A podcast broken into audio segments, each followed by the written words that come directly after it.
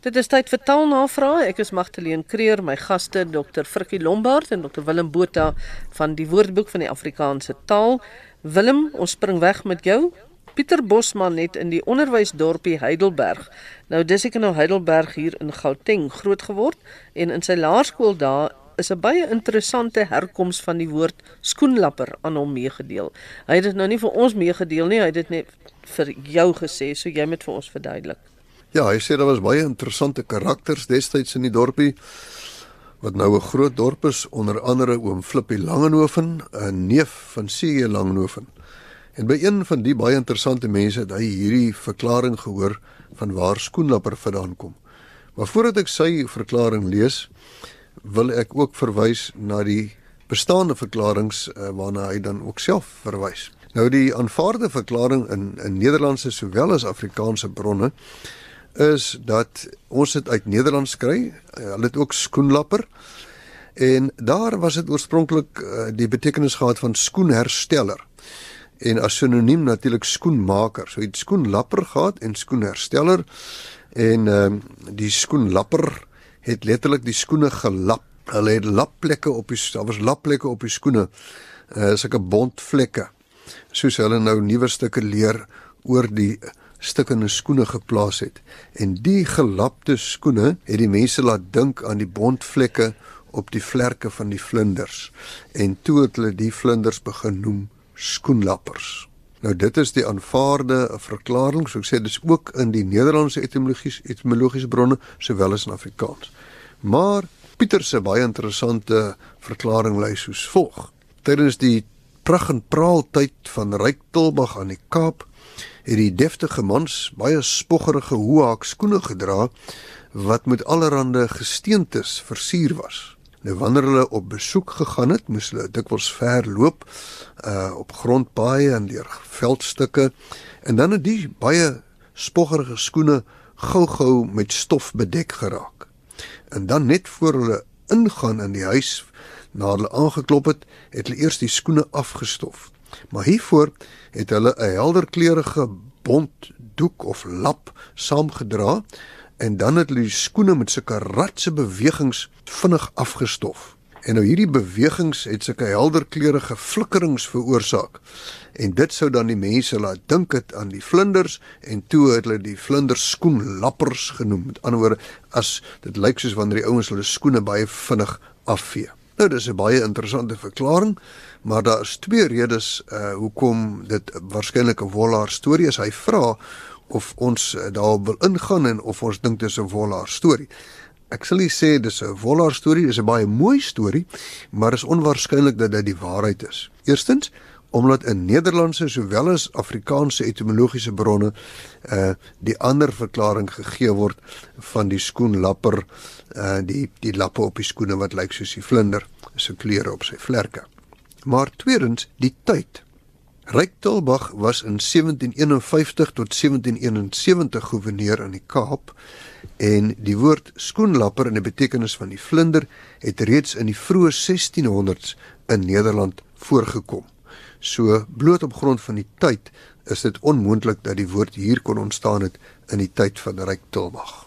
Frikkie Rihanna Kolby wil weet waar die mense om daaraan kom om bederf deesdae as iets positief te sien, seker soos in ek bederf jou met 'n lekker pudding.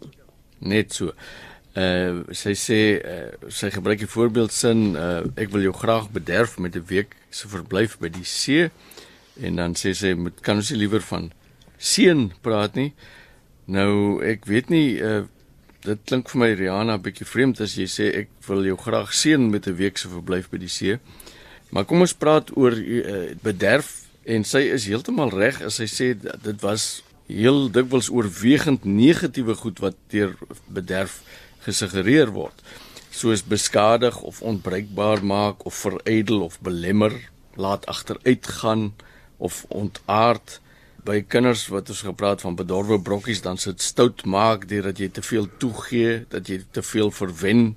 Dit kan ook wees sleg word soos die vleis sal bederf in die warm bedompe geweer Maar nou is dit so dat woorde gedurig betekenisse kan bykry. Soms verloor hulle betekenisse. Ons het byvoorbeeld in die geval van linsriem is die heel oorspronklike betekenis van linsriem het eintlik verdwyn. Dit is daardie riempie wat aan 'n ossewa was, weet aan waans en wat baie vuil geword het. En vandag ken ons eintlik linsriem net as iemand wat besonder vuil is. So betekenisse kan mekaar verdring of hulle kan omruil of hulle kan verval of hulle kan vermeerder. Hier het ons 'n tipiese geval van polisemiese uitbreiding want dit is glad nie vreemd vandag om te hoor ek gaan my vrou 'n bietjie bederf, ek gaan haar uitneem vir ete. En dit is positief. En die VAT se uh, elektroniese weergawe het dan ook 'n sesde betekenisonderskeiding opgeneem uh, met die betekenis iets spesiaals vir iemand of vir jouself doen of gee om genot te verskaf. En wat baie interessant is is dat Engelse woordeboeke het hierdie selfde pad gevolg. Ons het byvoorbeeld by die werk het ons die American uh, Heritage Dictionary en hy kom omtrent uit my en Willem se studentejare, so dis 'n hele paar jaar gelede. Hy gee ook maar nog net die tradisionele betekenisse van spoil, naamlik newig negatiewe goed, maar in die Encarta woordeboek wat 'n betreklik onlangse woordeboek is, gee Engels erkenning vir die feit dat bederf nie net negatief kan wees nie, maar 'n positiewe iets waar jy sê maar jou geliefde so bietjie vrolik maak. Dit kan natuurlik ook wees dat jy jouself 'n bietjie bederf met iets, nê? En wat interessant is, die betekenisuitbreiding het ook by die substantief, die selfstandige naamwoord posgevat waar ons nou praat van 'n bederf of 'n bederfie met so effens 'n bykomende gevoelswaarde. Dit is iets waarmee jy jouself of iemand anders dan bederf. Noem jy 'n bederf of 'n bederfie. Soos Willem nou gaan doen, hy gaan vir ons nou bederf met 'n breakfast. Ah. Roan van Pinelands wil weet of breakfast 'n erkende Afrikaanse woord is in die lig daarvan dat daar volgens hom 'n beter woord is, naamlik ontbyt. Ek wil net sê ek het groot geword in die tyd wat bederf baie negatief was. Ehm um, ek het altyd vir my ma gevra nou hoekom het daai kinders sulke mooi fietsse en ek ry met hierdie ou fiets en sê sy my ja maar hulle is vreeslik bederf. Hm. So bederf was vir my altyd baie negatief. So, maar ek bederf julle graag met met uh, met breakfast. Ja, Ron wil weet dis iets wat jy ook al oor gewonder het Magdalene. As 'n mens nou so 'n woord het soos breakfast en ons het wel ontbyt, moet kan 'n mens dan nog wel breakfast gebruik? En ek sou sê ja. Ons het nou net 'n 'n baie meer elegante woord begin gebruik naamlik ontbyt. Maar kom ek praat eers oor breakfast.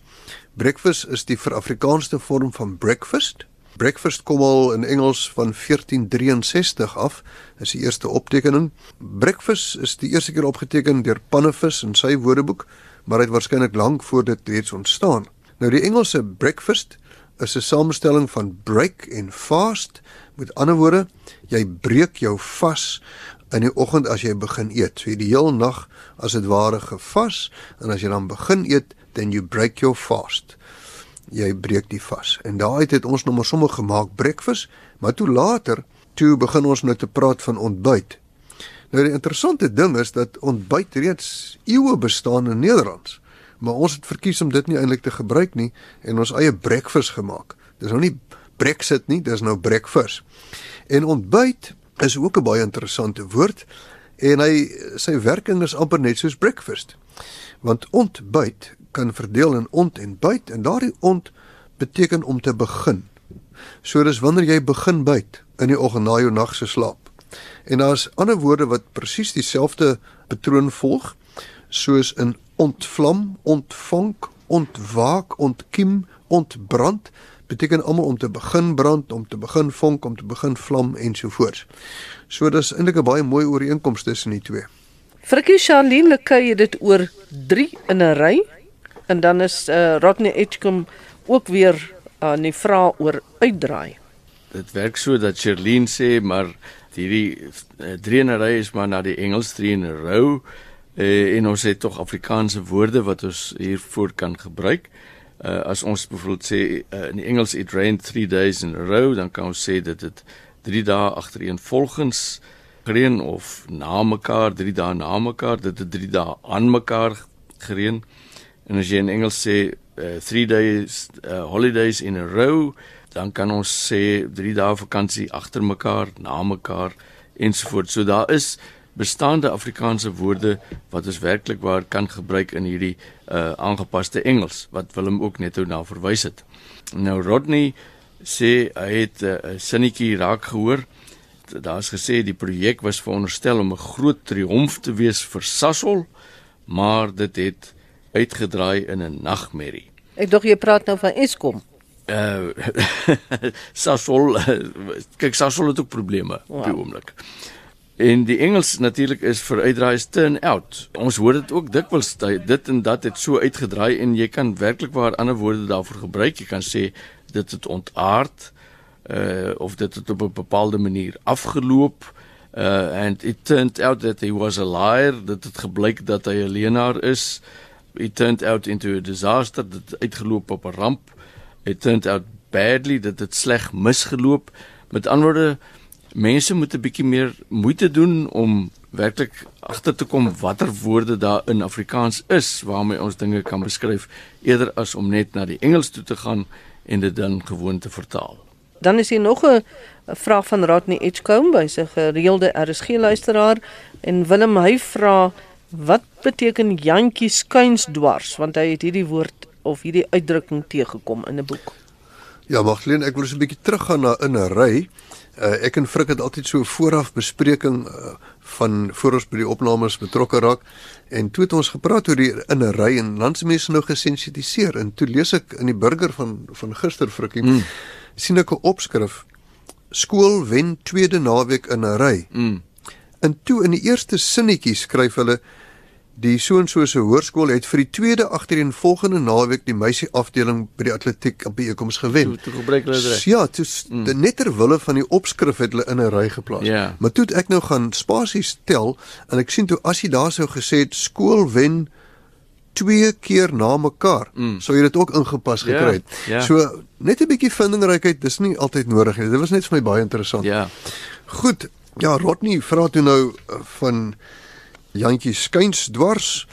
Ek het 'n bietjie gaan naslaan. Hy sê hy is baie verbaas en hy wonder toe of dit nou nie verwys na die wit oogie nie. 'n uh, Sekere voel. Dit lyk my Rodney ken sy voels baie goed. En ek gaan kyk toe in die VAT by Jantjie en dit is glad nie ver, verbasend dat hy gedink het aan voels nie, want Jantjie is 'n volksnaam vir enige voeltjie van die geslagte Prinia en Apalus. Maar toe gaan kyk ek nou in die VAT en ek sien die jantjie skynsdwars is eintlik die suidoos. Die suidooste wind van die Kaapse Skiereiland en omgewing. So dis daai wind wat vir jou dwars draai. En baie interessant, jantjie het 'n klomp uitdrukkings om jantjie te wees beteken om jaloers te wees of om jantjie se baadjie aan te hê beteken ook jaloers te wees. Uh jantjie donderbos. Nou jantjie donderbos is eintlik 'n ploeg, is 'n reuse ploegskaar uh wat die aarde oopbreek. En 'n Jantjie Rooibeen is 'n verliefderige kerel. uh, Jantjie Sekuur is 'n persoon wat veral op noukeurigheid, presisheid klem lê in sy lewe. Met Jantjie se tandjie sit beteken om met iets opgeskeep te sit, jy weet nie wat om daarmee te maak nie. Jantjie vol strys, waar hy kom is hy tuis. Dit sê van iemand wat hom maklik oral tuis maak. Jantjie of waantjie is dieselfde as kruis of munt en dit het ontstaan na aanleiding van die afbeeldings op die ou 1 sent muntstuk wat Jan van Riebeeck op die voorkant gehad het in 'n ossewa op die keersy. Dit was so 'n lekker ou groot ou geel 1 sent muntstuk wat sommige van ons nog onthou. Nou hoe sal mense die woord jantjie gebruik vir al daai uitdrukkings wat jy nou uh, genoem het? Dis een van die algemene mansname. Jy kry dit by Piet en Koos en Daan ook. Dan is daar so 'n ry uitdrukkings. Oral waar ek nou jantjie gesê het, kan jy amper ook daantjie sê. Ja, en dan is daar dis daar neig om Frikkie 'n bespottelike naam te maak. Frikkie Skuinswars. Ek neem aanstoot. Frikkie gesels 'n bietjie oor die woord patologie en die herkoms daarvan. Fraggie stander. Ja, griep, uh, dit is 'n Griekse woord pathologia. Nou dit staan saamgestel uit pathos. Uh, en pathos was 'n oorspronklik ou Griekse briewe het dit eintlik gestaan vir 'n 'n patetiese uitdrukking. Nou later van tyd het dit verskuif na dit wat die patetiese uitdrukking uh, uitdrukking aangebring het. Met ander woorde, jy het pyn of leed en daarom lyk jy bietjie pateties en dit het verskuif na die pyn of leed toe. En dit is pathos en die logia is natuurlik die wetenskap of die teorie oor hierdie pyn of leed. Maar as ons dit nou vandag wil verklaar, dan sê ons dit is 'n vertakking van die geneeskundige wetenskap wat gemoeid is met die oorsake, die aard en die ontwikkeling van 'n siekte ook die gevolge daarvan veral die strukturele en funksionele versteurings wat jy kry in weefsels en organe wat siektes meebring of die gevolg is daarvan en wat veral prakties beoefen word deur die ondersoek van bloed en urine en weefselmonsters en ander monsters wat jy dalk kry. 'n Sinoniem daarvoor is siektekunde of siekteleer alhoewel dit uh, aansienlik minder gebruiklik is. Jy kry natuurlik ook patologie as 'n studierigting of vak in die mediese wetenskap. Nog betekenisonderskeidings wat dit het is dit kan wie, uh, slaan op 'n bepaalde siektetoestand of sindroom of 'n anatomiese of 'n funksionele manifestasie daarvan of prosesse wat onderliggend is aan 'n bepaalde siektetoestand of 'n sindroom. Uh, en dan sit sinoniem met siektebeeld want jy kan byvoorbeeld praat van die patologie van limfoom of van tuberkulose of van vigs of van waterpokkies of wat ook al die geval mag wees. Die vierde betekenisonderskeiding wat ons het is en dit neem nogal 'n meervoud patologie is waar dit slaan op 'n afwyking van 'n gesonde, normale of gebalanseerde toedrag van sake.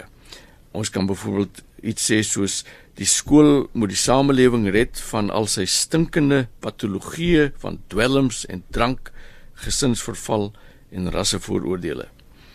Uh in die rolprent stel voor dat ons sosiale patologieë soos verdrukkende orders deur vraende denke die beste uh die bestek van kan oopmaak. Ons moet dit beste kan oopmaak hierdie sosiale patologie met ander woorde sosiale afwykings van die wat normaal of gesond is. En dit is maar hoe die woordjie in mekaar steek. Nou om af te sluit, ons moet nou oppas dat ons nie ons tyd oorskry nie. Willem, Silvana Jansen van Rensburg wil weet wanneer 'n mens pasop moet gebruik en wanneer 'n mens oppas gebruik. Sê sê sê ons nou oppas daar of pasop daar? sê jy oppas jy gaan brand of sê jy pas op jy gaan brand? Sê jy pas op vir daardie vrou of oppas vir daardie vrou? Nou sal wanneer jou twee voorbeelde toon aan dat daar geen werklike verskil is tussen oppas en pas op nie. Hulle is inderdaad sinonieme. In die VAT verwys ons pas op na oppas, maar dis bloot omdat ons meer opgawes van oppas kon naspoor as pas op. Oppas is meer frekwent in sy gebruik as pasop. Woordeboeke tref dus geen verskil tussen oppas en pasop nie en beskou hulle as absolute sinonieme. Maar dit wil vir my persoonlik voorkom asof pasop in 'n meer formele situasie soms gebruik kan word wat nie altyd die geval is met oppas nie. Byvoorbeeld ek stel my die volgende koerant opskrif voor: Die regering moet pasop vir Russiese inmenging. Vir my voel dit of jy nie daar sal sê die regering moet oppas vir 'n Russiese inmenging nie. Dis egter net my persoonlike waarneming en dit word in geen formele taalkundige bron so aangedui nie. Nou dan met die einde van vandag se taaldinge, ons kon ongelukkig nie by pypkan en trokke en waans en tans uitkom nie, maar 'n volgende keer. En dankie dan aan Dr Willem Botha en Dr Frikkie Lombard van die Woordeboek van die Afrikaanse taal en geniet dit in die geselskap van RSG vir die res van hierdie dag. Totsiens.